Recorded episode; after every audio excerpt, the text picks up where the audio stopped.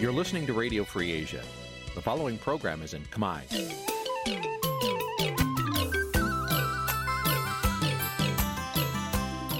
នេះជាកម្មវិធីផ្សាយ Vuthu Azizi Serai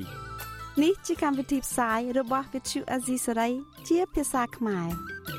Vuthu Azizi Serai សូមស្វាគមន៍លោកអ្នកនាងទាំងអស់ពីរដ្ឋធានី Washington នៃសហរដ្ឋអាមេរិក ចាប់ពីរដ្ឋធានី Washington នាងខ្ញុំម៉ៅសុធានីសូមជម្រាបសួរលោកអ្នកស្ដាប់ទាំងអស់ជាទីមេត្រី ចាយើងខ្ញុំសូមជូនការផ្សាយសម្រាប់ព្រឹកថ្ងៃអាទិត្យ100ខែអាសត់ឆ្នាំថោះបញ្ញស័ក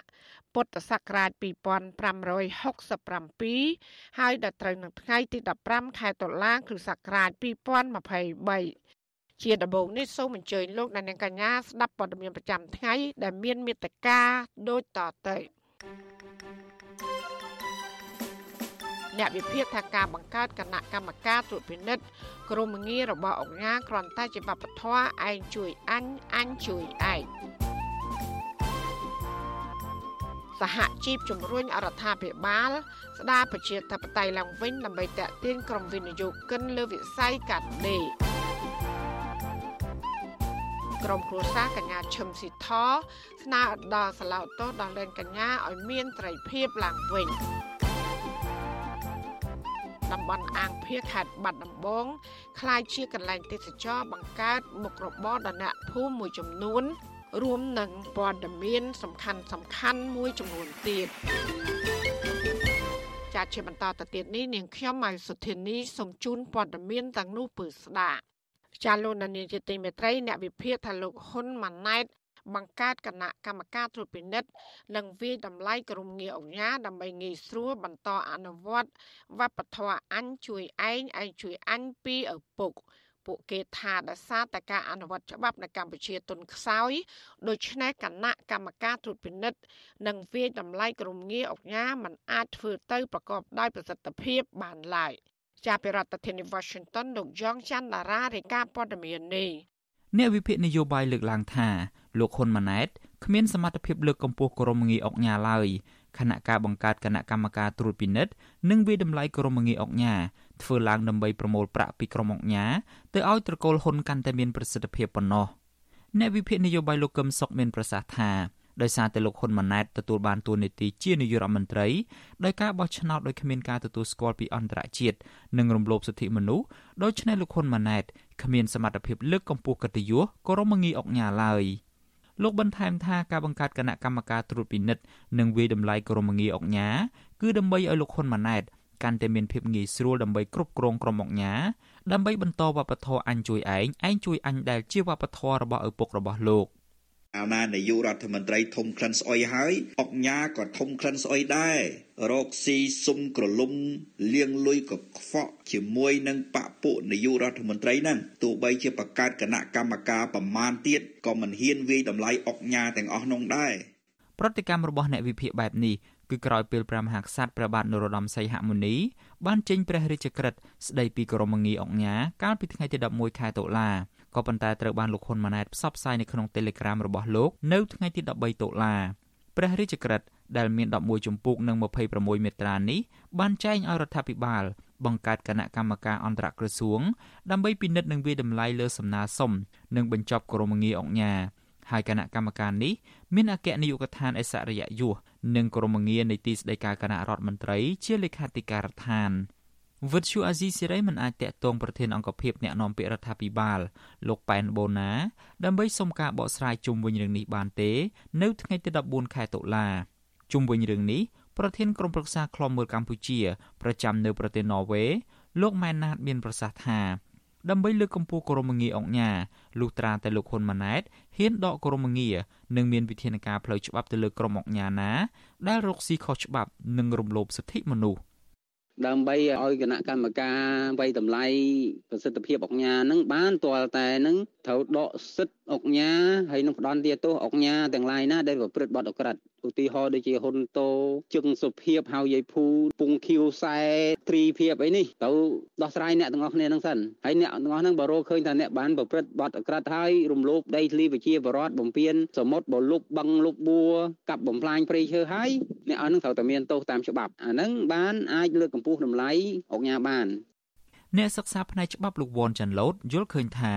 ការបង្កើតគណៈកម្មការត្រួតពិនិត្យនិងវាយតម្លៃក្រមងារអង្គការនេះអាចដើម្បីការពារនិងលើកកម្ពស់អធិបុលក្រមអង្គការមួយចំនួនដែលប្រកបអាជីវកម្មរំលោភសិទ្ធិមនុស្សទៅវិញទេ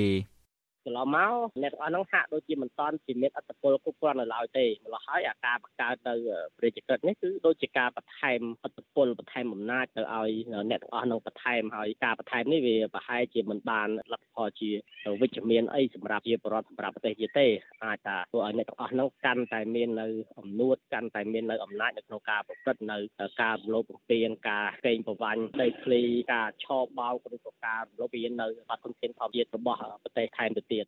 បើទោះបីជាកម្ពុជាមានបុគ្គលដែលមានក្រមងារអង្គញាប្រមាណ1300នាក់ក្តី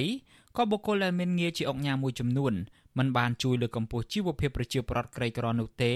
ផ្ទុយទៅវិញអង្គញាខ្លះថែមទាំងជាអ ுக ្រិតជន បំផ្លាញធនធានធម្មជាតិនិងរំលោភសិទ្ធិមនុស្សទៀតផងជាក់ស្ដែងសិទ្ធិបនលបែងនិងជាសមាជិកព្រឹទ្ធសភាគណៈបកកណ្ដាលអំណាចដែលមានរឿងអាស្រូវរំលោភយកដីធ្លីប្រជាពលរដ្ឋលោកលីយ៉ុងផាត់ ក៏ត្រូវបានតែងតាំងជាប្រធានសមាគមអង្គការកម្ពុជាថែមទៀតផង បន្ថែមពីនេះរបាយការណ៍អ ுக ្រិតកម្មឆ្លងដែនអន្តរជាតិរបស់អង្គការគំនិតផ្ដួចផ្ដើមសកល ប្រឆាំងនឹងអ ுக ្រិតកម្មចេញផ្សាយកាលពីឆ្នាំ2022រកឃើញថាក្រុមគ្រួសារត្រកូលហ៊ុនបានបង្កើតប្រព័ន្ធជួយគ្នាទៅវិញទៅមកជាមួយក្រុមអង្គការដែលរកស៊ីឈើខុសច្បាប់បំផ្លាញព្រៃឈើនៅកម្ពុជាក្រៅពីលោកហ៊ុនសែនជាប្រធានកិត្តិយសហើយនោះ អនុប្រធានកិត្តិយសសមាគមអង្គការកម្ពុជា3នាក់ទៀតរួមមានលោកសខេងលោកទាបាញ់និងអ្នកស្រីម៉ែនសំអនដែលជាសមាជិកអចិន្ត្រៃយ៍នៃគណៈបកប្រជាជនកម្ពុជាក៏ធ្វើជាអនុប្រធានកិត្តិយសសមាគមអង្គការកម្ពុជានេះផងដែរដោយសារតែសម្ព័ន្ធភាពរវាងគណៈបកប្រជាជនកម្ពុជា និងសមាគមអង្គការកម្ពុជារឹងមាំដូច្នេះអ្នកវិភាគនយោបាយលើកឡើងថាលោកហ៊ុនម៉ាណែត នឹងមិនអាចចាត់វិធានការច្បាប់ឬដកហូតគោរមងារអង្គញាដែលនៅតែស្មោះស្ម័គ្រការពីអំណាចត្រកូលហ៊ុននោះឡើយខ្ញុំយ៉ងច័ន្ទដារាវិទ្យុអាស៊ីសេរី Washington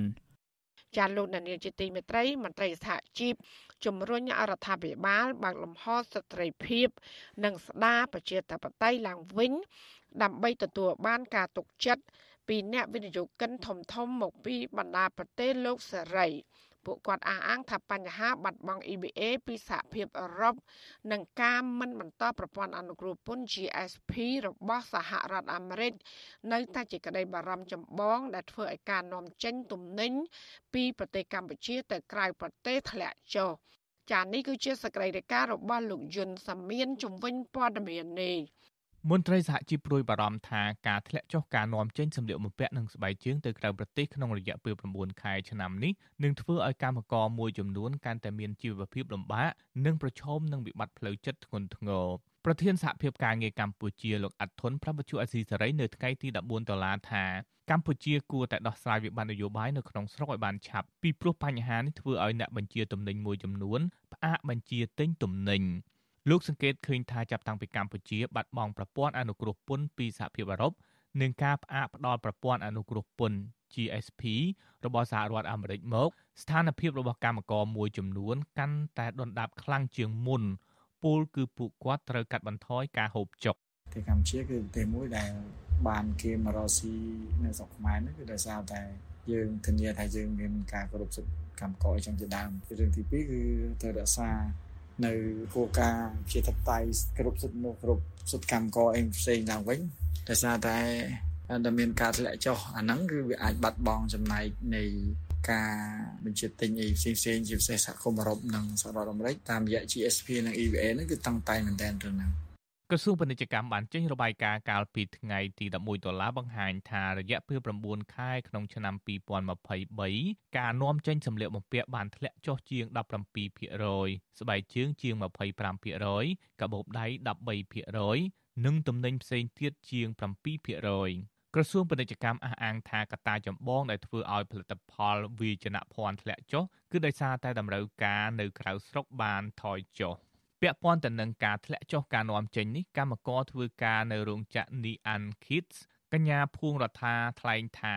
កញ្ញាមិនចង់បាត់បង់ការងារនោះទេដូច្នេះរដ្ឋាភិបាលគួរតែគោរពសិទ្ធិមនុស្សឡើងវិញកញ្ញាថាជីវភាពគ្រួសាររបស់កញ្ញាពឹងផ្អែកលើការងាររោងចក្រដើម្បីដោះស្រាយជីវភាពនិងសងបំណុលធនាគារ បើអត់ពីរោងចក្រតើគឺអត់ដឹងទៅធ្វើអីទៀតអញ្ចឹងណាគឺអត់ដឹងថាមានជំរឿនណាត្រូវជ្រើសត្រូវពីការងាររោងចក្រអញ្ចឹងព្រោះអីនិយាយជាក់ស្ដែងទៅខ្ញុំកំពុងតែគិតដែរហ្នឹងព្រោះអីចូលទៅវិញខ្ញុំចង់ខែខ្ញុំដល់កុងត្រាដែរអញ្ចឹងហើយខ្ញុំគិតថាអើយបើសិនជាគេអស់ការងារគេបន្សាយអីដឹងទៅណាមកណីអីចឹងណាព្រួយបារម្ភអញ្ចឹងដែរ វិទ្យុអាស៊ីសេរីមិនអាចតាក់ទងណែនាំពាក្យក្រសួងពាណិជ្ជកម្មលោកប៉ែនសុវិជាតិដើម្បីសុំការបកស្រាយជុំវិញបញ្ហានេះបានទេនៅថ្ងៃទី14ខែតុលាពាក់ព័ន្ធទៅនឹងរឿងនេះដែរអ្នកវិភាគកិច្ចការសង្គមនិងនយោបាយលោកប៉ៅមករាមានប្រសាសន៍ថាកត្តាចម្បងដែលធ្វើឲ្យទំនិញសម្លៀកបំពាក់ធ្លាក់ចុះគឺដោយសារតែកម្ពុជាខ្លួនឯងមិនបើកលំហសិទ្ធិសេរីភាពនិងការធ្វើទុកបុកម្នេញទៅលើសកម្មជននយោបាយជាដើម លោកបន្តថារដ្ឋាភិបាលថ្មីគួរតែបង្កបរិយាកាសនយោបាយនៅកម្ពុជាឲ្យមានភាពប្រសើរឡើងវិញដើម្បីទាក់ទាញអ្នកវិនិយោគទុនធំធំ និងជួយលើកកម្ពស់ជីវភាពកម្មករ ខ្ញុំចង់ឲ្យរដ្ឋាភិបាលគាត់គិតគូរពាក់ព័ន្ធទៅនឹងការពង្រឹងច្បាប់ដើម្បីឲ្យពង្រឹងទៅលើជនអន្តោប្រវេសន៍បរទេសមួយចំនួនដែលចូលក្នុងប្រទេសអីហ្នឹងគឺត្រូវរឹតបន្តឹងឲ្យមែនតែនដើម្បីកុំឲ្យពួកជនខលខូចមួយចំនួនដែលយកខ្លួនឯងថាជាអ្នកវិនិយោគប៉ុន្តែមកធ្វើស៊ីខុសច្បាប់មករំលោភបំពានសិទ្ធិមនុស្សនៅលើកម្ពុជាហ្នឹងហើយមួយទៀតរដ្ឋាភិបាលគួរតែធូរបន្ថយនីតិវិធីណាមួយក្នុងការជជែកវែកញែកពាក់ព័ន្ធទៅនឹងសិទ្ធិមនុស្សអ្នកទស្សនយោបាយមួយចំនួនដែលគាត់មានបញ្ហាអ្នកខ្លំមើលបញ្ហាសង្គមនិងសហជីពយល់ឃើញថារដ្ឋាភិបាលគួរតែស្ដារលទ្ធិប្រជាធិបតេយ្យនិងបើកលំហសិទ្ធិនយោបាយដើម្បីទទួលបានប្រព័ន្ធអនុគ្រោះពន្ធ EBA ពេញលេញពីសហភាពអឺរ៉ុបមកវិញបើពុំដូច្នោះទេពលរដ្ឋគឺជាអ្នករងគ្រោះខ្លាំងជាងគេក្នុងវិបត្តិសេដ្ឋកិច្ចខ្ញុំយុនសាមៀនវិទ្យុអាស៊ីសេរីប្រធានាធិបតី Washington ចាលោកនាងជាទីមេត្រីពីប្រទេសអ៊ីស្រាអែលនៅវិញពលរដ្ឋនិងនិស្សិតខ្មែរមួយចំនួនដែលកំពុងរស់នៅក្នុងប្រទេសនេះបានទៅដល់ទីកន្លែងមានសុវត្ថិភាព បន្ទាប់ពីរដ្ឋាភិបាលអ៊ីស្រាអែលជំលះពួកគេចេញពីតំបន់ក្រហមក៏ប៉ុន្តែពួកគេនៅមិនទាន់ដឹងថាតើស្ថានភាពទៅថ្ងៃខាងមុខនឹងទៅវិវត្តបែបណានោះឡើយ។ និស្សិតខ្មែរដែលកំពុងហាត់ការនិងបន្តការសិក្សានៅប្រទេសអ៊ីស្រាអែលចំនួន452នាក់ត្រូវបានអាជ្ញាធរអ៊ីស្រាអែលជំលៀសចេញពីទីតាំងប្រយុទ្ធគ្នារវាងកងកម្លាំងជីវពលហាម៉ាស់និងកងទ័ពអ៊ីស្រាអែលមកកន្លែងសវត្ថភាព និស្សិតខ្មែរកំពុងសិក្សានៅសាកលវិទ្យាល័យ Tel Hai លោកអ៊ុនសម្បូរបានឲ្យវិទ្យុស៊ីស្រីដឹងតាមសារអេឡិចត្រូនិកថាបច្ចុប្បន្នសិស្សនិស្សិតខ្មែរទាំងអស់ត្រូវបានអាជ្ញាធរអ៊ីស្រាអែលជំលះមកទីតាំងមានសវត្ថភាពនោះហើយលោកបន្តថារដ្ឋាភិបាលកម្ពុជាបានផ្ញើទម្រង់លិខិតស្នើសុំផ្លាស់ប្តូរទីតាំងមួយឲ្យលោកបំពេញនិងជ្រើសរើសថាតើត្រឡប់មកស្រុកកំណើតវិញ ឬក៏បន្តហាត់ការនិងសិក្សាបន្តនៅទីនោះប៉ុន្តែលោកថាលោកនៅមិនទាន់ច្បាស់នៅឡើយដោយសារតែលោកត្រូវការប្រាក់បន្ថែមដើម្បីជួយផ្គត់ផ្គង់គ្រួសារលោកអ៊ូនសម្បូរអាចរកប្រាក់ចំណូលបន្ថែម ក្រៅពីម៉ោងសិក្សាគឺលោកជានិស្សិតហាត់ការផ្នែកកសិកម្មនៅក្នុងស្រុកហូសេនដែលរកបានប្រាក់8ដុល្លារក្នុងមួយម៉ោង នាយករដ្ឋមន្ត្រីលោកហ៊ុនម៉ាណែតថ្លែងនៅថ្ងៃទី14ខែតុលា តាមរយៈសារសម្លេងធម្មដល់បច្ចុប្បន្នមានសិស្សនិស្សិតចំនួន452នាក់ដែលអាជ្ញាធរអ៊ីស្រាអែលបានជំនះមកកន្លែងសវត្ថភាពលោកបន្តថាដោយសារស្ថានភាពអាចមានការប្រែប្រួល ដូច្នេះរដ្ឋាភិបាលរបស់លោកបានរៀបចំដឹកជញ្ជូននិស្សិតដែលចង់ផ្លាស់ប្តូរទីតាំងដែលពួកគេកំពុងរស់នៅ ទៅកន្លែងផ្សេងដោយផ្ដល់កន្លែងស្នាក់នៅនិងអាហារហូបចុកប៉ុន្តែលោកបញ្ជាក់ថាមាននិស្សិតចំនួន422នាក់សម្រាប់ចិត្តបន្តស្នាក់នៅតំបន់ខ្លួនដដែលពលគឺមិនផ្លាស់ប្ដូរឬក៏ចង់ត្រឡប់មកកម្ពុជាវិញនោះឡើយ។ មានបងប្អូននិស្សិតចំនួន422នាក់បានចុះឈ្មោះតាមប្រព័ន្ធអនឡាញដោយបងប្អូនទាំង422នាក់នោះបានសម្រេចចិត្តបន្តស្នាក់នៅក្នុងតំបន់ដែលខ្លួនកំពុងរស់នៅនិងធ្វើការជាធម្មតានិងគិតថាមិនទាន់មានការចាំបាច់សម្រាប់ពួកគេក្នុងការបដូរទីតាំងទៅកាន់ទីកន្លែងសុវត្ថិភាពដែលរាជរដ្ឋាភិបាលកម្ពុជាបានរៀបចំជូននោះទេ ក្នុងព្រឹត្តិការណ៍ប្រយុទ្ធគ្នារវាងក្រុមជីវពលប្រដាប់អាវុធហាម៉ាស់និងកងទ័ពអ៊ីស្រាអែលកាលពីថ្ងៃទី7ខែតុលាបានធ្វើឲ្យនិស្សិតខ្មែរម្នាក់ឈ្មោះច័ន្ទឧត្តមបានស្លាប់បើទោះបីជាបែបនេះក្តី កាលពីថ្ងៃទី10ខែតុលាអតីតនាយករដ្ឋមន្ត្រីលោកហ៊ុនសែនបានឲ្យជាយោបល់ទៅរដ្ឋាភិបាលថ្មីដឹកនាំដោយកូនប្រុសច្បងរបស់លោកថាក្នុងស្ថានភាពលំបាកកម្ពុជានិងមិនរត់ចោលប្រជាប្រដ្ឋអ៊ីស្រាអែលដាច់ខាត លោកថែមទាំងប្រមាននិស្សិតទាំងនោះថាប្រសិនបើពួកគេត្រឡប់មកកម្ពុជាវិញលើកក្រោយនឹងពុំបានទទួលឱកាសទៅរៀននិងធ្វើការនៅប្រទេសអ៊ីស្រាអែលនោះឡើយទំនងជាការប្រមានរបស់លោកហ៊ុនសែនបែបនេះទើបធ្វើឲ្យនិស្សិតមួយចំនួនមិនហ៊ានចាកចេញពីប្រទេសអ៊ីស្រាអែលជុំវិញបញ្ហានេះនាយកទទួលបន្ទុកកិច្ចការទូតនៃអង្គការឃ្លាំមើលសិទ្ធិមនុស្សលីកាដូ លោកអំសំអាតមានប្រសាសន៍ ថាអ្វីដែលរដ្ឋាភិបាលអ៊ីស្រាអែលត្រូវការនៅពេលនេះគឺកម្លាំងទ័ពរបស់អ៊ីស្រាអែលមិនមែនកម្លាំងទ័ពរបស់និស្សិតខ្មែរឬក៏ទ័ពបរទេសនោះឡើយលោកបន្តថាបើទោះបីជានិស្សិតទាំងនោះនៅកន្លែងមានសុវត្ថិភាពក្តីប៉ុន្តែបញ្ហាផ្លូវចិត្តរបស់ពួកគាត់បានប៉ះទង្គិចរួចទៅហើយ។ បាទខ្ញុំក៏នៅថារាជរដ្ឋាភិបាលយើងយល់ហើយថាកំពុងតែតាមដានជាប់ជាមួយនឹងសវត្ថភាពរបស់និស្សិតខ្មែរប៉ុន្តែអ្វីដែលសំខាន់ហ្នឹងគឺខ្ញុំយល់ថាអ្វីដែលយើងត្រូវគិតគូរនោះថាធ្វើម៉េចឲ្យនិស្សិតខ្មែរយើងមានសវត្ថភាពជាចម្បងមុនមុនហ្នឹងគិតគូរអំពីរឿងផ្សេងផ្សេងទៀតថាបើសិនជាចាំបាច់អាហ្នឹងត្រូវតែជំលះចេញបាទ មន្ត្រីសង្គមស៊ីវិលយល់ឃើញថារដ្ឋាភិបាលកម្ពុជា គួរតែបង្កបរិយាកាសងាយស្រួលដល់និស្សិតទាំងនោះពុំគួរដាក់បន្ទុកឲ្យពួកគាត់កាន់តែលំបាកនោះទេលោកនានីជាទីមេត្រីដំណើរធាននឹងស្ដាប់ការផ្សាយរបស់វិទ្យុអសីសេរី តាមបណ្ដាញសង្គម Facebook YouTube និង Telegram លោកនាងក៏អាចស្ដាប់ការផ្សាយរបស់យើងតាមរលក ធាតុអាកាសខ្លីឬ Shortwave តាមកម្រិតនិងកម្ពស់ដូចតទៅ ចាប់ពីព្រឹកចាប់ពីម៉ោង5កន្លះដល់ម៉ោង6កន្លះតាមរយៈប៉ុស SW 12.14 MHz ស្មើនឹងកម្ពស់ 25m និងប៉ុស SW 13.71 MHz ស្មើនឹងកម្ពស់ 22m ការសម្រាប់ពេលយប់វិញគឺចាប់ពីម៉ោង7កន្លះដល់ម៉ោង8កន្លះ គឺតាមរយៈប៉ុស SW 9.33 MHz ស្មើនឹងកម្ពស់ 32m ប៉ុស SW 11.88 MHz ស្មើនឹងកម្ពស់ 25m និងប៉ុស SW 12.15 MHz ស្មើនឹងកម្ពស់ 25m ចាសសូមអរគុណ ចាលោកនានីជាទីមេត្រីក្រុមគូសាកញ្ញាឈឹមស៊ីធទទូចឲ្យតឡាការដោះលែងកញ្ញាឲ្យមានសេរីភាពឡើងវិញមន្ត្រីសហជីពថាសកម្មភាពដែលកញ្ញាឈឹមស៊ីធបានធ្វើកន្លងទៅនេះគឺជាការអនុវត្តសិទ្ធិសេរីភាពមិនមែនជាបាត់ល្មើសនោះទេហើយស្នើដល់ថ្នាក់ដឹកនាំរដ្ឋាភិបាលឲ្យដោះលែងកញ្ញាមានសេរីភាពឡើងវិញចា៎នេះគឺជាសកម្មភាពរបស់លោកជាតិចំណានជំវិញព័ត៌មាននេះ ក្រុមគ្រួសារកញ្ញាឈឹមស៊ីធលើកឡើងថាពួកគាត់នឹងរលឹកដល់ប្រធានសហជីពក្រុមហ៊ុន Nagawal កញ្ញាឈឹមស៊ីធដែលកំពុងជាប់ឃុំនៅក្នុងពន្ធនាគារស្របពេលដែលពលរដ្ឋខ្មែរភៀសច្រើនកំពុងតែជួបជុំក្នុងគ្រួសារដើម្បីប្រារព្ធពិធីបុណ្យភ្ជុំបិណ្ឌប្អូនប្រុសរបស់កញ្ញាឈឹមស៊ីធគឺលោកឈឹមប្រុសប្រាវិសុអស៊ីសេរីនៅថ្ងៃទី14ខែតុលាថាក្រុមគ្រួសារបានចូលទៅសួរសុខទុក្ខកញ្ញាឈឹមស៊ីធនៅពន្ធនាគារនៅពិធីបុណ្យភ្ជុំបិណ្ឌនេះ លោកស្នើដល់សាឡាអូតូដែលត្រៀមបើកសាវនាការនៅថ្ងៃទី19ខែតុលាខាងមុខនេះសម្រាប់ដោះលែងកញ្ញាឈឹមស៊ីធឲ្យមានសេរីភាពឡើងវិញគឺការចង់ឲ្យបងស្រីខ្ញុំចេញមកដើម្បីជួបជុំគ្រួសារឡើងវិញហើយហើយសូមពីមលាដល់ក្រសួងការងារឃើញថាពិបត្តិហ្នឹងវាយូរឆ្នាំហើយអញ្ចឹងសង្ឃឹមថាមានដំណោះស្រាយដល់ក្រមកោតកោណាកាបើឆាប់ឆាប់ស្លាវតតំបន់ប្រចាំនៅទីក្រុងភ្នំពេញបានកោះហៅមេធាវី និងប្រធានសហជីព Nagawal កញ្ញាឈឹមស៊ីធដើម្បីបើកសវនាការសូមឲ្យនៅក្រៅឃុំបណ្ដោះអាសន្ននៅថ្ងៃទី19ខែតុលាខាងមុខនេះ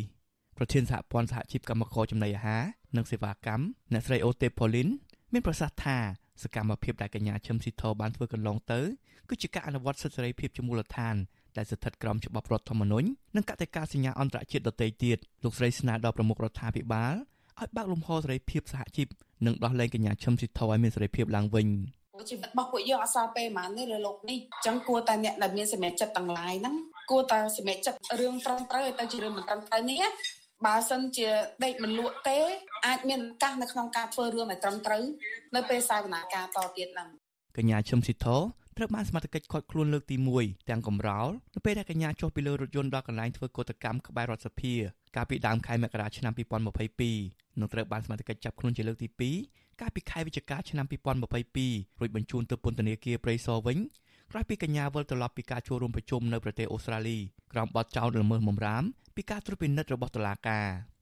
ក្រុមគ្រួសារនិងមន្ត្រីសហជីពចាត់ទុកថាការចាប់ខ្លួនកញ្ញាឈឹមស៊ីថោនេះ គឺមិនមែនជាការអនុវត្តច្បាប់នោះទេប៉ុន្តែជាការបំបាក់ស្មារតីកុំឲ្យក្រុមគឧតកោ Nagawal បន្តតវ៉ាទាមទារដំណោះស្រាយវិវាទការងារជាមួយនឹងក្រុមហ៊ុន Nagawal ដែលមានទំនាក់ទំនងស្និទ្ធជាមួយក្រុមគ្រួសារលោកនាយករដ្ឋមន្ត្រីហ៊ុនម៉ាណែតពួកគាត់ទទូចឲ្យសាឡាអូតូដោះលែងកញ្ញាឈឹមស៊ីថោឲ្យមានសេរីភាពឡើងវិញខ្ញុំបាទចិត្តចំណាន Visual Assisray ប្រធានាទី Washington ចាលោកដានៀងជាទីមេត្រីនៅឯខេត្តបាត់ដំបងឯនោះវិញ អាងភៀសដែលធ្លាប់ជាវាលស្រែល្វឹងល្វើយនិងមិនសូវមានអ្នកស្គាល់នៅពេលនេះបានប្រែក្លាយមានសភាពអ៊ូអរមានប្រជាពលរដ្ឋទៅលេងកម្សាន្តជារៀងរាល់ថ្ងៃសម្រាប់ចុងសប្តាហ៍ជាពិសេសគឺនៅក្នុងឱកាសពិធីបុណ្យភ្ជុំបិណ្ឌដែលបានបង្កើតមុខរបរដល់អ្នកភូមិមួយចំនួន ចាលោកថាថៃរាយការណ៍ព័ត៌មាននេះបន្ទាប់ពីសាងសង់ផ្លូវលំក្រាលគ្រូក្រហមមួយខ្សែនៅតាមបណ្ដោយខ្នងអាងនិងកសាងទ្វារទឹកជាច្រើនកន្លែង ពេលនេះអាងភៀសស្ថិតនៅស្រុកឯកភ្នំដែលមានចម្ងាយប្រមាណ20គីឡូម៉ែត្រពីក្រុងបាត់ដំបងនិងមិនស្ងប់ស្ងាត់ឯកោដូចពេលមុននោះទេដោយមានភ្ញៀវក្នុងស្រុកមកជិះទូកលេងកំសាន្តនៅរដូវទឹកឡើងសម្លេងម៉ាស៊ីនទូកលាន់លឺពេញផ្ទៃទឹកអាងភាពអ៊ូអរនៅលើផ្ទៃទឹកនេះបាននាំមកនៅមុខរបរដល់អ្នកភូមិមួយចំនួនដែលសុទ្ធសឹងជាអ្នកនេសាទរកខ្យងនិងធ្វើស្រែចម្ការអង្គុយលើក្បាលទូកស្មាច់តូចតូចអូសដោយម៉ាស៊ីនសាំង អ្នកបើកបរទូកដឹកភ្ញៀវគឺយុវជនថនប៊ុនឋានអាយុប្រហែល15ឆ្នាំឲ្យដឹងថារូបគេបើកទូកដឹកភ្ញៀវជិត1ខែមកហើយពលគឺចាប់តាំងពីពេលដែលទឹកឡើងលិចចូលទំនប់អាងភៀសគឺតែងតែមានពលរដ្ឋមកពីតំបន់ផ្សេងផ្សេងមកលេងជាហូរហែយុវជនរូបនេះបន្តថារបរនេះផ្ដល់កម្រៃសមរម្យដោយក្នុងមួយថ្ងៃរូបគេអាចរកបានចន្លោះពី50000ទៅ70000រៀល តែច្រើនជាងថាយើងជីដើរលេងគេថតរូបថតអីចឹងស្វែតាមនេះលេងផ្លេនផ្លេនបើថាគេជីឆ្ងាយអ្នក5000គេយកថ្លៃតិចសាំងឡើងថ្លៃសម្រាប់ដឹកភ្ញៀវទេសចរជិះលេងកំសាន្តទៅមើលទេសភាពនៅកណ្ដាលផ្ទៃបឹងដោយក្នុងមួយលើកមានរយៈពេលប្រហែល20នាទីនិងយកថ្លៃក្នុងមនុស្សម្នាក់3000រៀលទោះជាយ៉ាងណាសេវាដឹកភ្ញៀវកំសាន្តក្នុងអាងនេះគឺជាមុខរបរតាមរដូវដោយភ្ញៀវមកលេងតែក្នុងរដូវទឹកឡើងប៉ុណ្ណោះ ដែលធ្វើឲ្យយុវជនអ្នកបើកទូកខ្លះមានក្តីស្រមៃចង់ឲ្យតំបន់អាងភៀសមានអ្នកមកលេងកម្សាន្តទាំងរដូវប្រាំងនិងរដូវវស្សាយុវជនបើកទូកដឹកភ្ញៀវទេសចរម្នាក់ទៀតឈ្មោះធីវិរៈឲ្យដឹងថារបរនេះផ្ដល់ការកំសាន្តប្លែកអារម្មណ៍ដល់ពលរដ្ឋផងនិងទទួលបានកម្រៃផងយុវជនរូបនេះលើកឡើងថាបើពឹងផ្អែកលើរបរនេសាទរកខ្យងនិងធ្វើស្រែនោះមិនអាចធ្វើឲ្យប្រជាពលរដ្ឋនៅអាងភៀសមានជីវភាពល្អប្រសើរឡើយ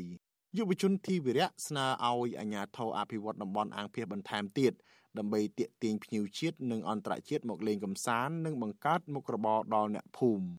តាមដល់ថ្ងៃមកខណៈទៅ20000 30000ទៅណាបងធម្មតាខ្ញុំទៅ10000ទៅខណៈគេលេងច្រើនទៅ50000ចុះទៅណាភ្ញៀវដែលមកជិះទូកលេងកំសាន្តនៅតំបន់អាងភៀសយុវជនវ៉ាន់ចម្រុងរៀបរាប់ថាតំបន់អាងភៀសនេះមានទេសភាពវាលស្រែស្អាតខ្យល់អាកាសល្អជាងរមណីយដ្ឋានធម្មជាតិមួយចំនួន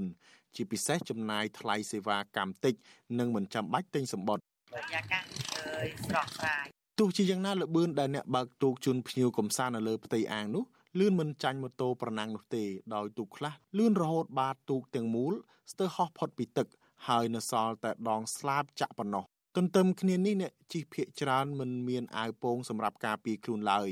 ប៉ុន្តែក្រុមអ្នកបើកទូកអះអាងថាពួកគេនឹងចងក្រងគ្នាជាសហគមន៍ដើម្បីដោះស្រាយបញ្ហានេះ ក្រៅពីដឹកភ្ញៀវតាមទូកជិះកំសាន្តពលរដ្ឋនៅតំបន់អាងភៀសក្នុងឃុំពីមឯកនេះក៏មានលក់ត្រីក្តាមខ្យងធម្មជាតិស្រស់ស្រស់ដែលអ្នកភូមិរកបាននឹងម្ហូបអាហារបង្អែមភេសជ្ជៈឲ្យអ្នកទៅកំសាន្តផងដែរអ្នកលក់តកកឈូសនិងចំណីនៅជាប់មាត់អាងកញ្ញាហ៊ួនច័ន្ទរ័ត្ននិយាយដោយទឹកមុខញញឹមថាក្នុងមួយថ្ងៃកញ្ញាអាចលក់ចំណេញប្រាក់បានពី50000ទៅ60000រៀល ក៏ប៉ុន្តែកញ្ញាប្រាប់ថាចំនួនភ្ញៀវដែលមកលេងនៅទ្វារទំនប់ទឹកអាងភៀសនេះហាក់ធ្លាក់ចុះជាងមុនបន្តិចដោយសារកាលពីដើមខែតុលាមានករណីក្មេងស្រីម្នាក់លង់ទឹកស្លាប់ដែលបណ្ដាលឲ្យភ្ញៀវមួយចំនួនមានការភ័យខ្លាចនិងមិនហ៊ានមកម្ដងទៀតលោកបានទេទេបងព្រោះតាំងពីមនុស្សស្លាប់អត់ទេស្លាប់នេះគ្រាន់ជាងរាល់ថ្ងៃវិទ្យុអាស៊ីសេរីមិនអាចតាក់ទងអភិបាលស្រុកលោកមិលសុផល និងប្រធានមន្ត្រីទេសចរខេត្តបាត់ដំបងលោកអ៊ុចអ៊ុំភីនីសារ៉ាដើម្បីសុំការបកស្រាយបន្ថែមបានទេនៅថ្ងៃទី14តុលាអាងភៀសបានសាងសង់ឡើងក្នុងរបបខ្មែរក្រហមក្នុងអំឡុងឆ្នាំ1977មានផ្ទៃដីជាង1000ហិកតានិងជាប់ស្រុកចំនួន2គឺស្រុកថ្មគោនិងស្រុកឯកភ្នំបច្ចុប្បន្នមានប្រជាពលរដ្ឋរស់នៅសរុបចំនួនជិត300គ្រួសារកាលពីជាង10ឆ្នាំមុនតំបន់នេះគឺជាវាលស្រែដាច់សង្វែងដែលពលរដ្ឋនៅក្នុងភូមិមកធ្វើស្រែប្រដេញទឹកដោយធ្វើដំណើរឆ្លងកាត់ផ្លូវក្នុងព្រៃដែលបានជិះត្រឹមតែម៉ូតូឬកង់ប៉ុណ្ណោះលុះក្រោយមកដោយសារមានប្រជាពលរដ្ឋមករស់នៅលើខ្នងអាងកាន់តែច្រើនអាជ្ញាធរបានកសាងផ្លូវលំនិងទ្វារទឹកនៅតាមខ្នងអាងជាបន្តបន្ទាប់អ្នកសម្របសម្រួលនៃអង្គការលីកាដូប្រចាំខេត្តបាត់ដំបងលោកអិនគង្ជិតយល់ឃើញថាប្រជាពលរដ្ឋដែលរស់នៅតំបន់អាងភៀសភ ieck ច្រើនមានជីវភាពទន់ខ្សោយដែលពឹងផ្អែកលើរបរកសិកម្មនិងនេសាទជាគោល លោកស្នើឲ្យអាជ្ញាធររៀបចំសម្ដាប់ធ្នាប់ស្ដារបរិស្ថាននិងបង្កើតជាសហគមន៍នៅតំបន់អាងភៀសឲ្យคล้ายជាតំបន់ទេសចរដែលមានសក្តានុពលដើម្បីលើកស្ទួយជីវភាពពលរដ្ឋដែលរស់នៅតំបន់នោះចំពោះអ្នកប្រើប្រាស់ទូកណូតហ្នឹងក៏ត្រូវគ្រប់គ្រងឲ្យមានបញ្ជីឈ្មោះច្បាស់លាស់ហើយត្រូវតែឲ្យគាត់អ្នកបើកបរឲ្យមានជំនាញប៉ិនប្រសពកុំឲ្យបើកបរលឿន ហើយក្រៅពីនេះម្ចាស់ទូកណូតនីមួយៗត្រូវមានអាវពោងបំពាក់ដល់ប្រជាពលរដ្ឋបងប្អូនដែលគាត់ទៅលេងកម្សាន្តនៅទីហ្នឹងដើម្បីបង្ការកុំឲ្យមានគ្រោះថ្នាក់ពលរដ្ឋដែលរស់នៅជុំវិញតំបន់អាងភៀសស្នើឲ្យអាជ្ញាធរអភិវឌ្ឍតំបន់នេះឲ្យคล้ายជាទេសចរធម្មជាតិនិងដាក់បញ្ចូលតំបន់អាងភៀសឲ្យคล้ายជាភូមិពេញលេញមួយដើម្បីបង្កើតជារចនាសម្ព័ន្ធគ្រប់គ្រងមួយដែលធានាបាននូវសន្តិភាពនិងសុខសុវត្ថិភាពដល់ប្រជាពលរដ្ឋខ្ញុំថាថៃពីទីក្រុងមែលប៊ន ចាលោកនានីជាទីមេត្រីពាក់ព័ន្ធនឹងទន្លេមេគង្គវិញគណៈកម្មការទន្លេមេគង្គរកឃើញថាការប្រែប្រួលអាកាសធាតុនិងសកម្មភាពរបស់មនុស្សកំពុងបង្កឲ្យទឹកទន្លេមេគង្គរីងរាក់ការប្រែប្រួលលំហូរទឹកនិងគ្រោះរាំងស្ងួតប៉ុន្តែសង្គមស៊ីវិលយល់ឃើញថាដើមហេតុនៃបញ្ហានេះគឺចាប់ផ្ដើមពីការសាងសង់ ស្ថានីយ៍វារីអគ្គិសនីក្នុងដងទន្លេមេគង្គផ្នែកខាងលើ នៅក្នុងប្រទេសចិនចំនួន11កន្លែងចាសសេចក្តីរាយការណ៍ពុស្ដាពីរឿងនេះលោកណានៀងនឹងបានស្ដាប់នាពេលបន្តិចទៀតនេះ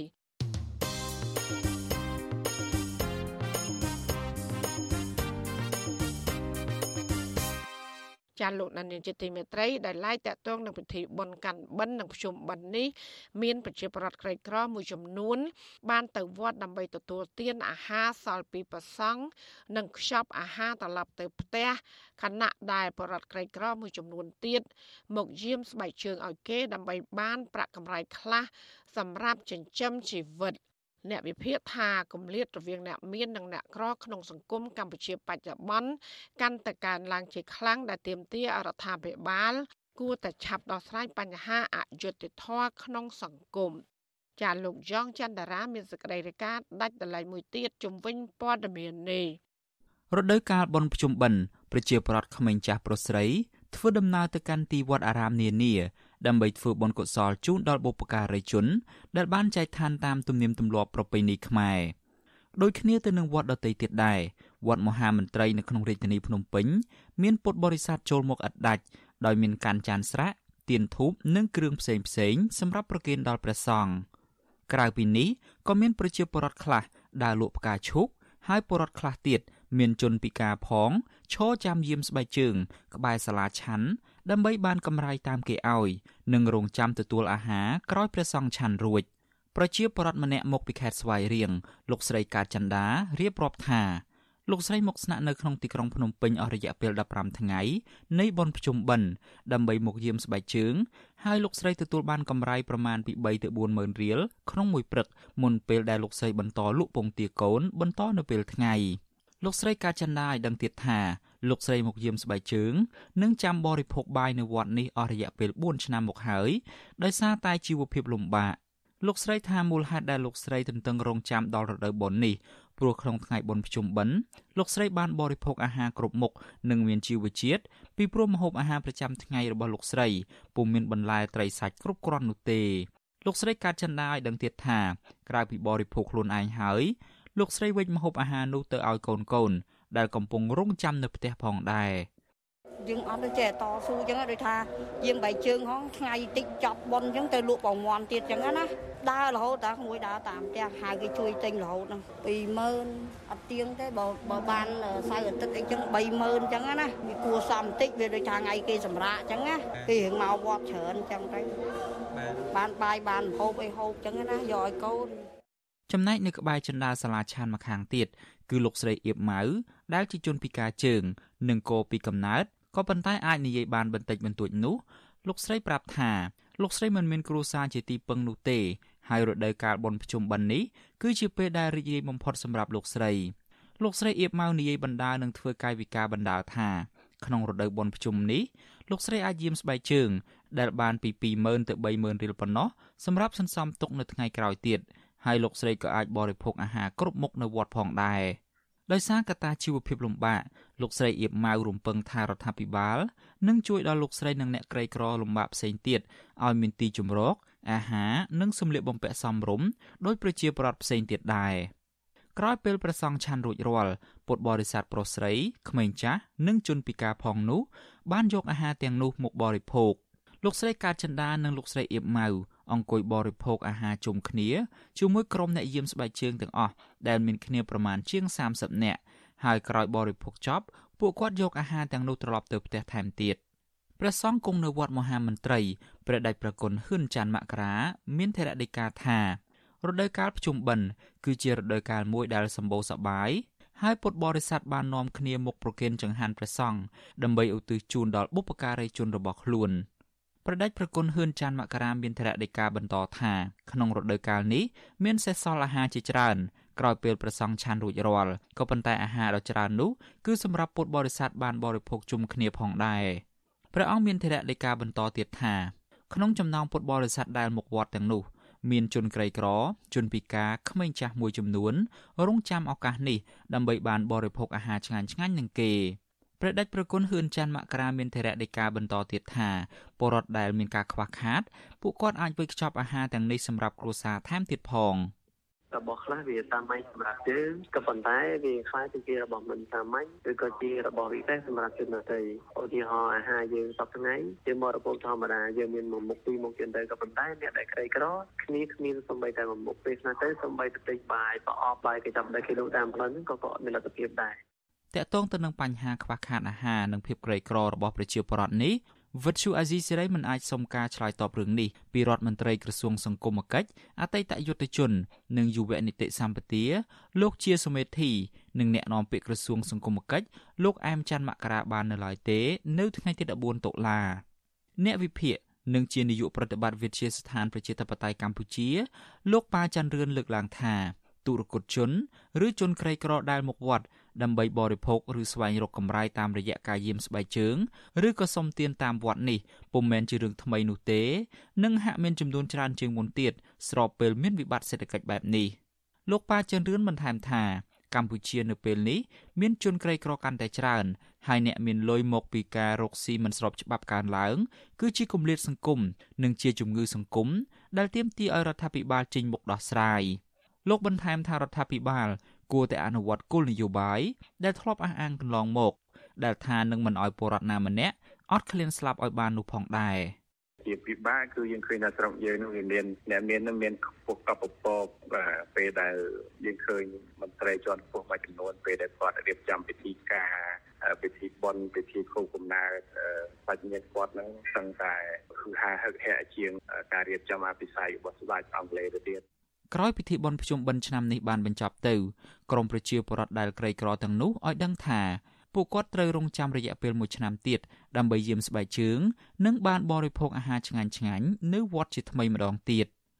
ខ្ញុំយ៉ងច័ន្ទដារាវិទ្យុអាស៊ីសេរី Washington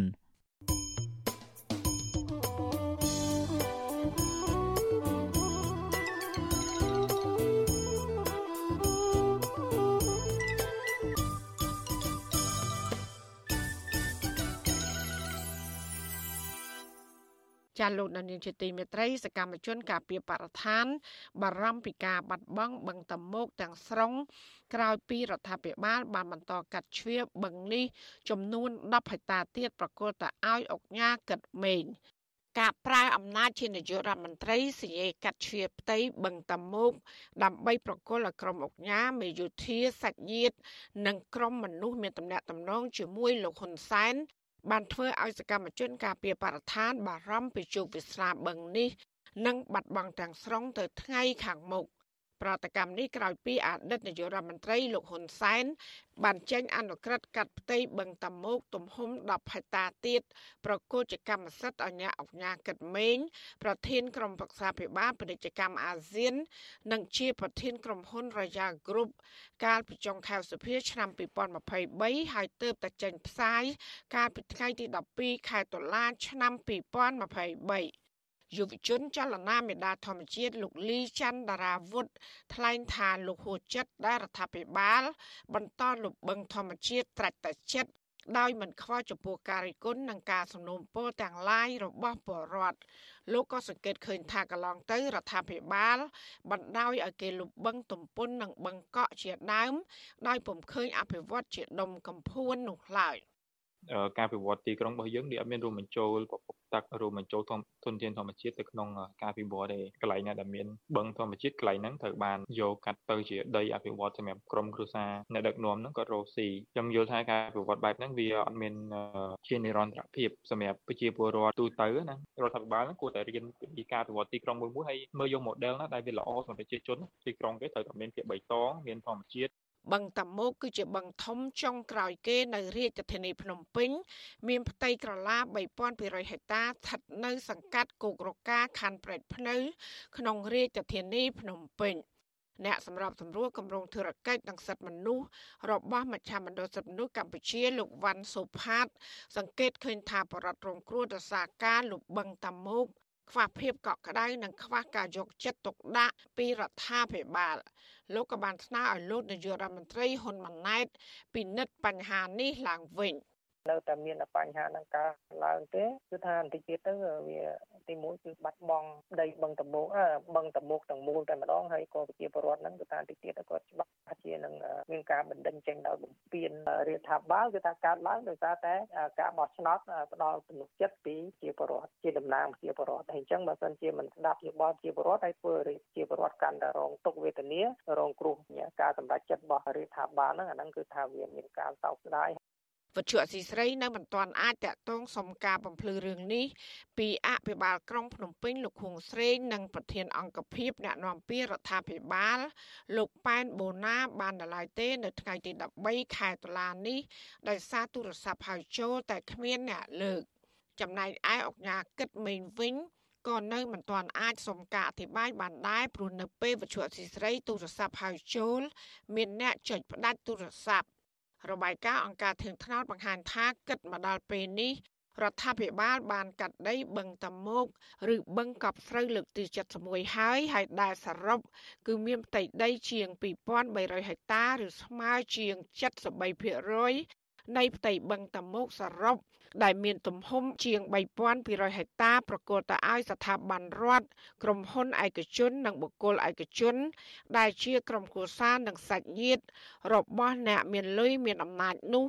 ដើម្បីសាងសង់ផ្សារមន្ទីរពេទ្យផ្ទះល្វែងនិងអគារផ្សេងផ្សេងៗ ទង្វើទាំងនេះហើយបង្កឲ្យមានផលប៉ះពាល់ដល់ប្រជាក្រីក្រដែលអាស្រ័យផល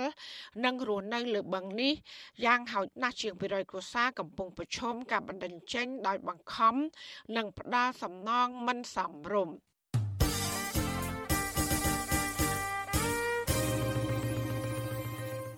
ចាលោកដានីជាទីមេត្រីអ្នកតាមដានសង្គមសង្កេតឃើញថាបច្ចុប្បន្ននេះឥទ្ធិពលចិនកំពុងតែគ្របដណ្ដប់ទៅលើវិស័យសារព័ត៌មានឯករាជ្យនៅកម្ពុជាពួកគេអះអាងថាបញ្ហានេះគឺដោយសារតែមានមហាអំណាចចិនជាខ្នងបង្អែកគ្រប់គ្រងរដ្ឋាភិបាលកម្ពុជាហាក់មិនសូវយកចិត្តទុកដាក់លើកកម្ពស់សិទ្ធិមនុស្សលទ្ធិប្រជាធិបតេយ្យនិងសេរីភាពសារព័ត៌មាននោះទេ ចាសេចក្តីរាយការណ៍ពុស្ដាជំវិញរឿងនេះលោកណានៀងក៏នឹងបានស្ដាប់នាពេលបន្តិចទៀតនេះចាលោកណានៀងជាទីមេត្រីដែលឡាយពាក់ព័ន្ធនឹងឱសថបុរាណរបស់ចិនវិញ អ្នកជំនាញផ្នែកសុខាភិបាលព្រួយបារម្ភថាប៉ះសិនបើឱសថបារាណដែលនាំចូលពីចិន សម្រាប់ធ្វើពិសោធន៍និងបម្រើក្នុងវិស័យសុខាភិបាលនៅកម្ពុជាពុំមានការវាតម្លៃផលប៉ះពាល់និងត្រួតពិនិត្យឲ្យបានច្បាស់លាស់នោះទេបរដ្ឋដែលជាអ្នកប្រើប្រាស់អាចនឹងប្រឈមគ្រោះថ្នាក់ដល់អាយុជីវិតក្តីបារម្ភរបស់អ្នកជំនាញសុខភាពនេះធ្វើឡើងនៅបន្ទាប់ពីកម្ពុជានិងចិន បានដាក់សម្ពោធអប្រាប្រាស់ជាផ្លូវការមជ្ឈមណ្ឌលឱសថបុរាណចិន នៅមន្ទីរពេទ្យព្រះកុសមៈឬពេទ្យលោកសង្ឃកាលពីថ្ងៃទី13ខែតុលាចានេះគឺជាសេចក្តីរាយការណ៍មួយទៀតរបស់លោកថាថៃជំវិញព័ត៌មាននេះអ្នកជំនាញផ្នែកសុខាភិបាលលើកឡើងថាឱសថបុរាណចិនសែគឺជាអាវុធមុខពីរក្នុងនោះអាចព្យាបាលអ្នកជំងឺឈឺរ៉ាំរ៉ៃឲ្យធូរស្បើយមួយកម្រិត ហើយវាក៏អាចសម្លាប់អ្នកជំងឺដោយមិនដឹងខ្លួនប្រសិនបើគ្មានអ្នកជំនាញវិតម្លៃសិក្សាពីប្រតិកម្មអ្នកជំងឺនិងធ្វើការពិសោធន៍ឱសថបុរាណនានាមុននឹងអនុញ្ញាតឲ្យអ្នកជំងឺប្រើប្រាស់ឱសថនោះប្រធានសមាគមគ្រូពេទ្យគុណធម៌កម្ពុជាលោកវិជ្ជបណ្ឌិតអ៊ូចវុធីប្រវត្តិអាស៊ីសេរីថារដ្ឋាភិបាលពុំគូផ្ដល់តម្លៃឱសថបុរាណចិនរហូតបង្កើតមជ្ឈមណ្ឌលចែកចាយថ្នាំបុរាណចិនទូលំទូលាយនោះទេគណៈឱសថបុរាណចិននៅកម្ពុជាតាមទីជនបទនិងទីក្រុងរីករាលដាលដូចផ្សិត ទោះបីជាយ៉ាងណាលោកវិជ្ជបណ្ឌិតអ៊ុយវុធីពិនិត្យឃើញថាឱសថបុរាណចិនភាគច្រើនពុំមានគុណភាពខ្ពស់ក្នុងការព្យាបាលអ្នកជំងឺឡើយហើយប្រភេទឱសថបុរាណចិនខ្លះទៀតដូចជាវល្លិនិងប្រភេទស្លឹកថ្នាំរុក្ខជាតិនានាដែលនាំចូលពីប្រទេសចិនពុំទាន់ឃើញមានការវិតម្លៃធ្វើតេស្តពីក្រសួងសុខាភិបាលដើម្បីបង្ហាញឲ្យប្រជាពលរដ្ឋមានជំនឿនៅឡើយទេ លោកអំពីវនីដល់ប្រជាពលរដ្ឋខ្មែរដែលនិយមប្រើប្រាស់ឱសថបុរាណចិនថាពំគូបន្តវប្បធម៌ជឿតាមគ្នាក្នុងការព្យាបាលជំងឺឲ្យជាសះស្បើយទេព្រោះលោកថាសារពាង្គកាយនិងរោគសញ្ញារបស់មនុស្សម្នាក់មានស្ថានភាពខុសគ្នានិងខ្លះទៀតអាចនឹងប្រតិកម្មនឹងឱសថបុរាណចិន សហប្រតិបត្តិការមានចិនអីគេឲ្យឆ្នាំបុរាណចិនយកមកប្រើនៅស្រុកខ្មែរយើងបានអញ្ចឹងអត់មានអីប្របាទេខាងកន្លែងមន្ទីរពិសោធន៍ហ្នឹងគេយកអារុក្ខជាតិឬឈើឆ្នាំដែលមកពីស្រុកចិនប្រមាណហ្នឹងយកទៅពិនិត្យមើលតើវាមានផលប៉ះពាល់អីខ្លះមិនប៉ះពាល់អីខ្លះវានៅក្នុងរូបមន្តឆ្នាំទាំងអស់ហ្នឹងព្រោះឆ្នាំទាំងអស់ហ្នឹងតាមខ្ញុំដឹងវាអាចមានផលប៉ះពាល់ច្រើនប៉ុន្តែដល់យើងពិនិត្យត្រឹមត្រូវគឺថាឥឡូវញ៉ាំទៅស្រាប់តែជាស្លើមអីចឹងដល់ពេលដល់យើងយកពិសោធន៍មើលវាមិនមែនជាស្លើមទៅជាជាអាលួយខ្លោមក៏មានដែរការលើកឡើងរបស់អ្នកជំនាញផ្នែកសុខាភិបាលបែបនេះធ្វើឡើងបន្ទាប់ពីកម្ពុជានិងចិនសម្ពោធដាក់ឲ្យប្រើប្រាស់ជាផ្លូវការនៅមជ្ឈមណ្ឌលឱសថបុរាណចិននៅមន្ទីរពេទ្យព្រះកុសមៈរាជធានីភ្នំពេញនៅថ្ងៃទី13ខែតុលាភាគីចិនប្រកាសថាការដាក់សម្ពោធមជ្ឈមណ្ឌលឱសថបុរាណចិននៅកម្ពុជាក្នុងគោលដៅអភិវឌ្ឍហើយវាក៏ជាការពង្រីកឥទ្ធិពលឱសថបុរាណចិនហៅកាត់ថា TCM នៅតំបន់អាស៊ីអាគ្នេយ៍ផងដែរ រដ្ឋមន្ត្រីក្រសួងសុខាភិបាលកម្ពុជាលោកឈៀងរ៉ាប្រាប់កាសែតចិនថាមជ្ឈមណ្ឌលនេះគឺជាសមិទ្ធផលថ្មីមួយទៀតក្រមក្របខ័ណ្ឌកិច្ចសហប្រតិបត្តិការខ្សែក្រវ៉ាត់និងផ្លូវ BRI ចិននឹងបានជំរុញការអភិវឌ្ឍវិស័យសុខាភិបាលនៅកម្ពុជាប្រកបដោយគុណភាពនិងស្តង់ដារកម្រិតខ្ពស់ជាមួយគ្នានេះឯកអគ្គរដ្ឋទូតចិនប្រចាំកម្ពុជាលោកវ៉ាងវិនធានអះអាងថាមជ្ឈមណ្ឌលឱសថបុរាណចិនមិនត្រឹមតែផ្ដល់ការព្យាបាលពលរដ្ឋកម្ពុជាតែប៉ុណ្ណោះទេ ប៉ុន្តែថែមទាំងផ្ដល់ជំនាញផ្នែកឱសថបុរាណរបស់ចិនដល់ក្រុមគ្រូពេទ្យកម្ពុជាថែមទៀតពលរដ្ឋម្នាក់ថ្លែងសូមមិនបញ្ចេញឈ្មោះរស់នៅខេត្តសៀមរាបឲ្យវិទ្យុអាស៊ីសេរីដឹងថាកន្លងទៅលោកធ្លាប់ប្រើប្រាស់ឱសថបុរាណដែលមានឈ្មោះថាយិនសិនរបស់ចិនសែក្នុងរយៈពេលខ្លីដែរលោកវាតម្លៃថាឱសថបុរាណដែលលោកធ្លាប់ប្រើពុំអាចជួយព្យាបាលជំងឺឈឺសន្លាក់បានយូរអង្វែងនោះទេប៉ុន្តែគ្រាដែលលោកពិសាថ្នាំឱសថបុរាណចិនលោកពិសាបាយបានច្រើនជាងសពមួយដងមកទល់ពេលនេះ លោកមិនបានបន្តប្រើឱសថបុរាណយិនសិនទៀតទេលោកទទូចឲ្យរដ្ឋាភិបាលវាតម្លៃផលប៉ះពាល់ថ្នាំបុរាណនាំចូលពីចិនឲ្យបានច្បាស់លាស់ដើម្បីធានាការព្យាបាលពលរដ្ឋប្រកបដោយប្រសិទ្ធភាពនិងគ្មានគ្រោះថ្នាក់ បើវិជ្ជាមណ្ឌលឆ្នាំឱសថបុរាណនេះខាងសុខាភិបាលលោកត្រូវតែឲ្យថាទំនួលការខុសត្រូវខ្ពស់ឱសថបុរាណមិនចិននេះពេលខ្លះបើគិតលក់ដល់ទូលំទូលាយចែកតាមខេត្តអីទៅគិតចេះតែប្រើប្រាស់ដោយមិនមានការយល់ដឹងច្បាស់លាស់ចឹងវាដូចតែអាវុធមកពីហ្នឹងចេះណាបានវាព្រួយបារម្ភបាទប្រើទៅជាមិនអីដែរចាប់ប្រើទៅគ្រោះថ្នាក់យ៉ាងណាទៅអេជីជននោះខ្វះការយល់ដឹងច្រើនក្នុងការប្រើប្រាស់ថ្នាំពេទ្យណាថ្នាំឱសថបុរាណចិនមានវត្តមាននៅកម្ពុជាជាពិសេសនៅរាជធានីភ្នំពេញម្ដុំផ្សារអូរស័យជាច្រើនឆ្នាំមកហើយ ឱសថបុរាណចិនមួយចំនួនព្យាបាលជំងឺរ៉ាំរ៉ៃនិងជំងឺទូទៅដូចជាឈឺសន្លាក់ដៃជើងក្រពះពោះវៀនដោយមានការផ្សំថ្នាំពីស្លឹករុក្ខជាតិវល្លិលាយបញ្ចូលគ្នាសម្រាប់យកដាំទឹកផឹកឱសថបុរាណចិនខ្សែខ្លះក៏មានប្រភេទទឹកដែរកន្លងទៅលោកហ៊ុនសែនអតីតនាយករដ្ឋមន្ត្រីនិងភៀកគីចិនតែងតែប្រកាសថាវិស័យសុខាភិបាលនៅកម្ពុជាមានការរីកចម្រើនជាបន្តបន្ទាប់ ដោយសារភាគីនៃប្រទេសទាំងពីរបានពង្រឹងនិងពង្រីកកិច្ចសហប្រតិបត្តិការតាមរយៈការបញ្ជូនអ្នកជំនាញសុខាភិបាលចិនរួមទាំងសម្ភារៈវិទ្យាសាស្ត្ររបស់ចិនផ្ដល់ឲ្យកម្ពុជាសម្រាប់ថែទាំអ្នកជំងឺបើទោះបីជាយ៉ាងណាប្រធានសមាគមគ្រូពេទ្យគុណធម៌កម្ពុជាលោកវិជ្ជបណ្ឌិតអ៊ូចវុធីសង្កេតឃើញថាតាមរយៈកម្ពុជាសហប្រតិបត្តិការទ្វេភាគីក្នុងក្របខ័ណ្ឌវិស័យសុខាភិបាលនេះកម្ពុជាពុំទទួលបានជោគជ័យជាដុំកំភួនទេហើយផ្នែកសុខាភិបាលនៅកម្ពុជាក៏គ្មានការរីកចម្រើនដែរ ត្បិតលោករិះគន់ថាមន្ត្រីសុខាភិបាលមួយចំនួនតែងតែគិតពីផលប្រយោជន៍បកពួកសម្លឹងឃើញលុយជាធំនិងរើសអើងអ្នកជំងឺដែលគ្មានលទ្ធភាពព្យាបាល។ មិនចាំបាច់តែអ្នកមានរស់អ្នកក្រស្លាប់ទេអ្នកក្រក៏មានសិទ្ធិរស់ដូចអ្នកមានដែរពេលឃើញគាត់ក្រអត់លុយអត់ហ៊ានចូលពេទ្យគាត់ទៅសម្រាប់កូនក្បែរលបងពេទ្យខ្ញុំជួបអស់ហើយរឿងអស់ហ្នឹងបើសិនជាយើងនៅតែរើសអើពណ៌នេះអានេះពណ៌នោះអានេះនយោបាយនេះអាហ្នឹងហើយកន្លែងហ្នឹងហើយតែយើងអត់សុខហើយខ្មែរយើងនឹងអាចនឹងបាក់បែកគ្នាទៅថ្ងៃក្រោយទៀតគេហៅកំហឹងអ្នកឈឺចាប់កំហឹងអ្នកក្រក៏អត់អាចប្រាក់ស្រានបានទេគាត់នៅដកនៅក្នុងបេះដូងគាត់ដោយសារប្រពន្ធគាត់ស្លាប់ដោយសារពេទ្យអត់បានមើលកូនគាត់ស្លាប់ដោយសារពេទ្យអត់បានមើលដោយសារគាត់ស្រកវិទ្យុអាស៊ីសេរីមិនអាចតាកតងแนะនាំពាក្យក្រសួងសុខាភិបាលអ្នកស្រីអៅវ៉ាន់ឌិនដើម្បីឆ្លើយតបបញ្ហានេះបានទេនៅថ្ងៃទី13តុលាអ្នកជំនាញផ្នែកសុខាភិបាលលើកឡើងថាប្រសិនបើរដ្ឋាភិបាលអាណត្តិថ្មីគ្មានការបោះសម្អាតមន្ត្រីដែលប្រព្រឹត្តអំពើពុករលួយនិងពង្រឹងវិជ្ជាជីវៈមន្ត្រីសុខាភិបាលនោះទេ ទោះរដ្ឋាភិបាលខិតខំពង្រឹងកិច្ចសហប្រតិបត្តិការក្នុងការអភិវឌ្ឍវិស័យសុខាភិបាលជាមួយប្រទេសចិននិងបណ្ដាប្រទេសជុំវិញពិភពលោកក្តីក៏ពលរដ្ឋខ្មែរក្រីក្រគ្មានលទ្ធភាពព្យាបាលជំងឺពួកគាត់នឹងនៅតែបន្តរងទុក្ខវេទនានិងគ្មានជំនឿលើប្រព័ន្ធសុខាភិបាលកម្ពុជាដែលធានាព្យាបាលពួកគាត់ឲ្យទទួលបានភាពកក់ក្ដៅឡើយខ្ញុំថាថៃពីទីក្រុងមែលប៊ន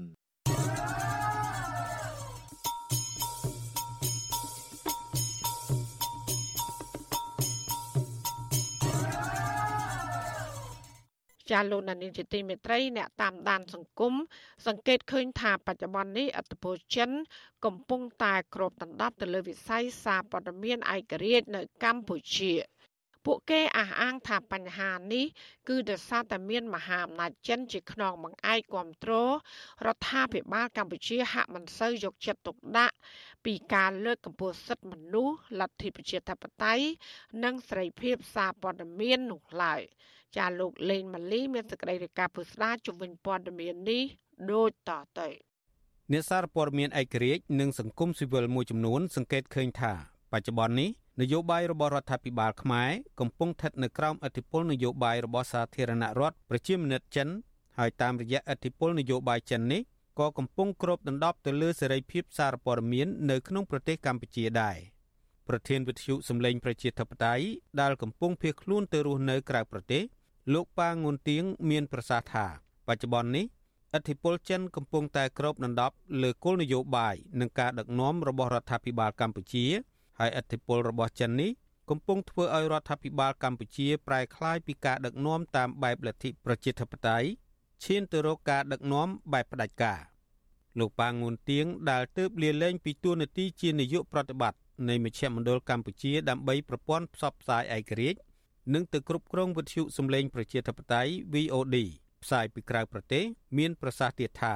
ដោយសារតែរដ្ឋាភិបាលខ្មែរងាកទៅរករបបនយោបាយដឹកនាំបែបផ្ដាច់ការនេះបានធ្វើឲ្យប៉ះពាល់ដោយផ្ទាល់ទៅលើសេរីភាពសារព័ត៌មានព្រមទាំងធ្វើឲ្យអ្នកសារព័ត៌មានឯករាជ្យនានាពិបាកនឹងឈរជើងនៅក្នុងប្រទេសកម្ពុជាបានទៀតណាស់ហ្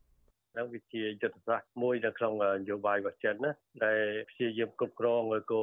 បង្កើនអធិបតេយ្យទៅលើនយោបាយដឹកនាំរបស់ប្រទេសដៃគូជាពិសេសប្រទេសស្រីក្រនៅក្រោមចំណោះរបស់ខ្លួននៅពេលដែលប្រទេសកម្ពុជារដ្ឋាភិបាលកម្ពុជាកំពុងតែសហការមួយចិននៅក្នុងការគ្រប់គ្រងប្រព័ន្ធផ្សព្វផ្សាយឯករាជ្យយើងក៏បំបត្តិនៅប្រព័ន្ធផ្សព្វផ្សាយឯករាជ្យហ្នឹងគឺជាចរន្តរំកិលទៅមុខបន្ថែមទៀតនៅក្នុងការព្យាយាម បំបត្តិនៅសម្លេងឯករាជ្យឬក៏សម្លេងប្រឆាំងបាទនាយកប្រតិបត្តិសមាគមសម្ព័ន្ធអ្នកសារព័ត៌មានកម្ពុជាហៅកាត់ថាកម្ពុជាលោកណប់វីក៏កត់សម្គាល់ប្រហាក់ប្រហែលគ្នាដែរលោកមានប្រសាសន៍ថាក្នុងរយៈពេល4-5ឆ្នាំចុងក្រោយនេះលោកសង្កេតឃើញថាមានការបង្កើតវិទ្យុផ្សាយសម្លេងជាភាសាចិន ការបង្កើតកម្មវិធីទូរទស្សន៍ភាសាចិន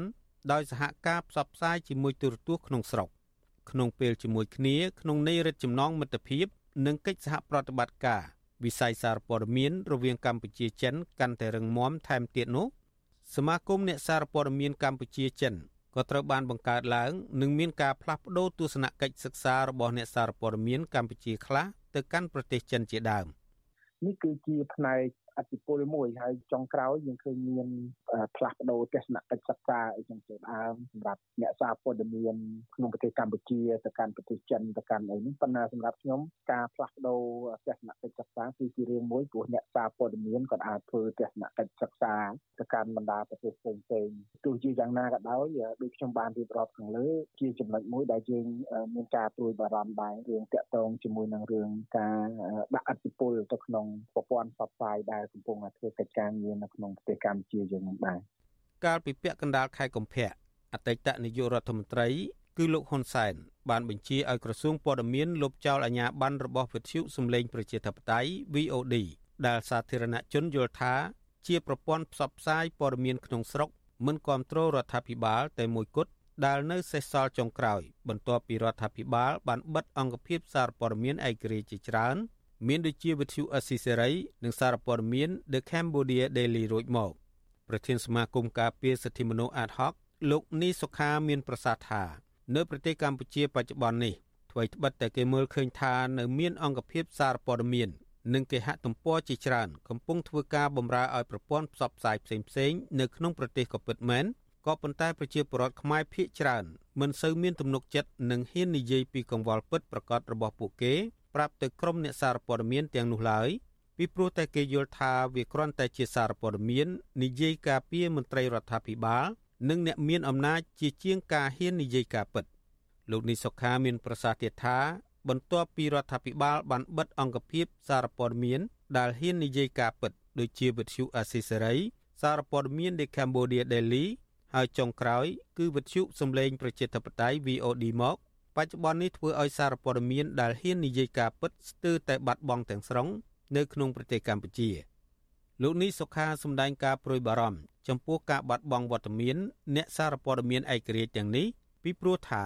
សង្គមដែលមានលទ្ធិប្រជាធិបតេយ្យគឺត្រូវការសារព័ត៌មានឯករាជ្យហ៊ាននិយាយការពិតដើម្បីស្ថាបនាដល់សង្គមនិងការដឹកនាំឲ្យមានតម្លាភាពត្រឹមត្រូវ។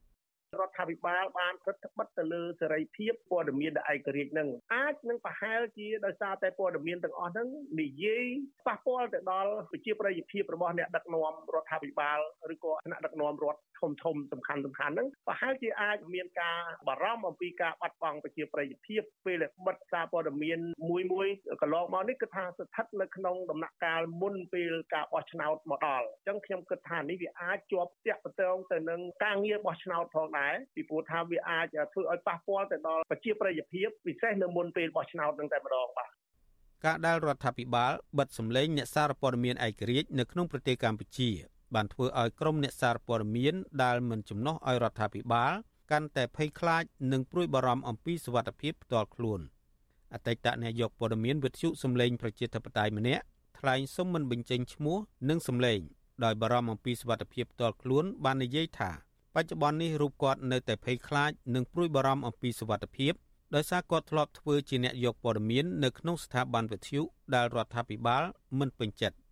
អតីតអ្នកយកព័ត៌មានឲ្យវិទ្យុ VOD ដដែលប្រាប់ថារាល់ថ្ងៃនេះរូបលោកច្រើនតែសំងំនៅក្នុងបន្ទប់ច្រើនជាងការដើរចេញទៅខាងក្រៅដើម្បីទំនាក់ទំនងជាមួយមិត្តភ័ក្តិនិងអ្នកផ្សេងផ្សេង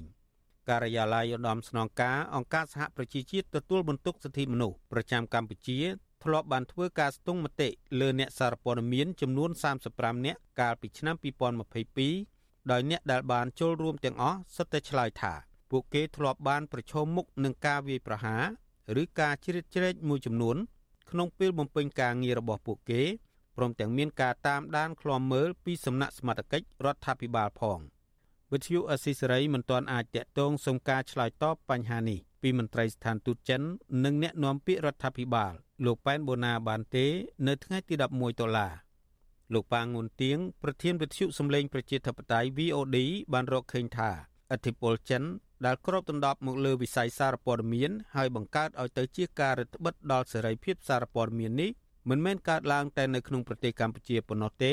គឺវាកំពុងតែគ្របដណ្ដប់ដល់អធិពលនៅលើប្រទេសនៃទ្វីបអាហ្វ្រិកមួយចំនួន ដែលមាននយោបាយនិងមេដឹកនាំទុនខ្សោយផងដែរ ខ្ញុំបាទលេងម៉ាលីវិទ្យុអាស៊ីសេរី Washington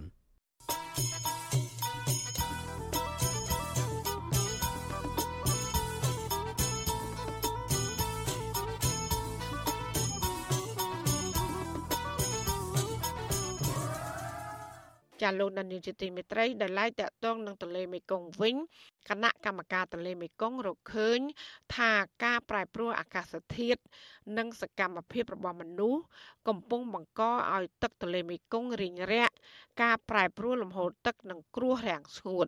ក៏ប៉ុន្តែសង្គមស៊ីវិលយល់ឃើញវិញថាដើមហេតុ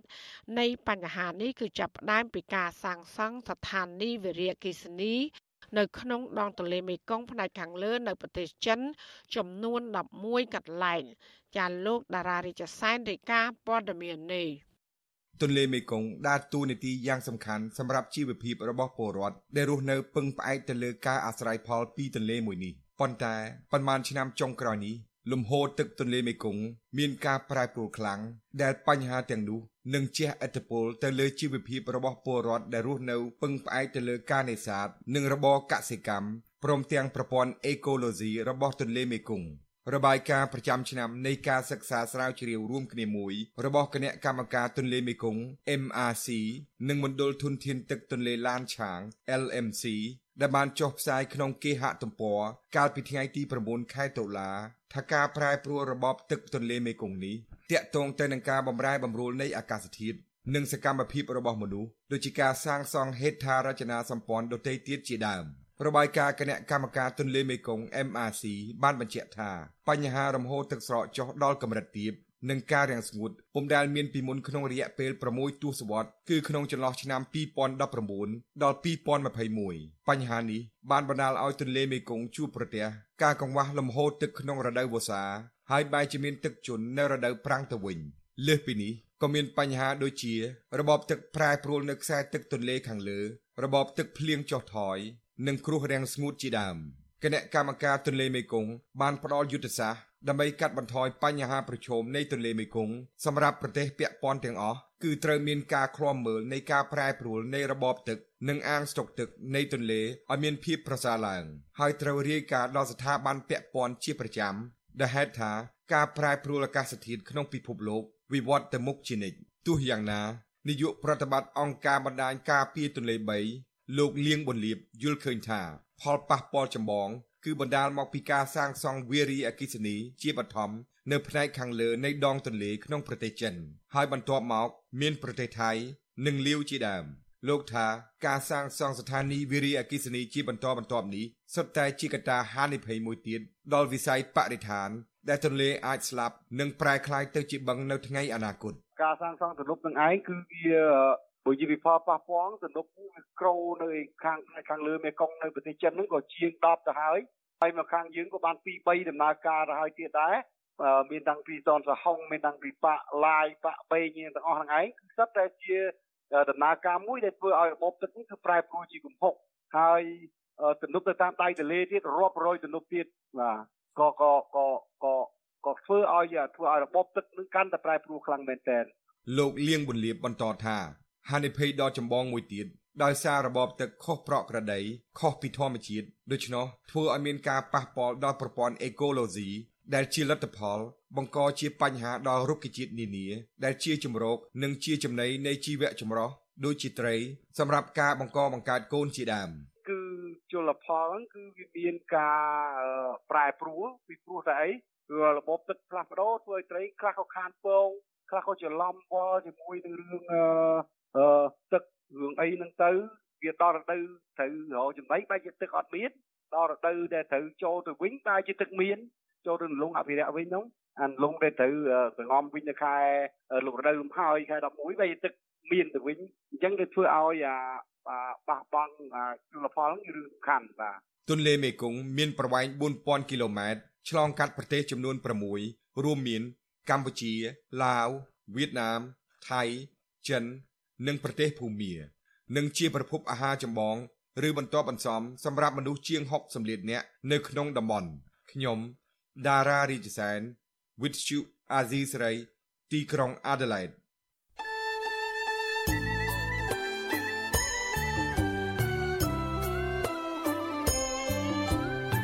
ចាលោកនាងកញ្ញាអ្នកស្ដាប់ជទីមេត្រីកັບផ្សាយរយៈពេល1ម៉ោងនៃវិទ្យុអាស៊ីស្រីជាភាសាខ្មែរនៅពេលនេះចាប់តែប៉ុណ្ណេះចាយើងខ្ញុំទាំងអស់គ្នាសូមជូនពរលោកលានាងព្រមទាំងក្រុមគូសាទាំងអស់សូមជួបប្រកបតែនឹងសេចក្តីសុខសេចក្តីចម្រើន ជានិរន្តរ៍ចានាងខ្ញុំម៉ៃសុធានីព្រមទាំងក្រុមការងារទាំងអស់នៃវិទ្យុអសីស្រីសូមអរគុណនិងសូមជម្រាបលា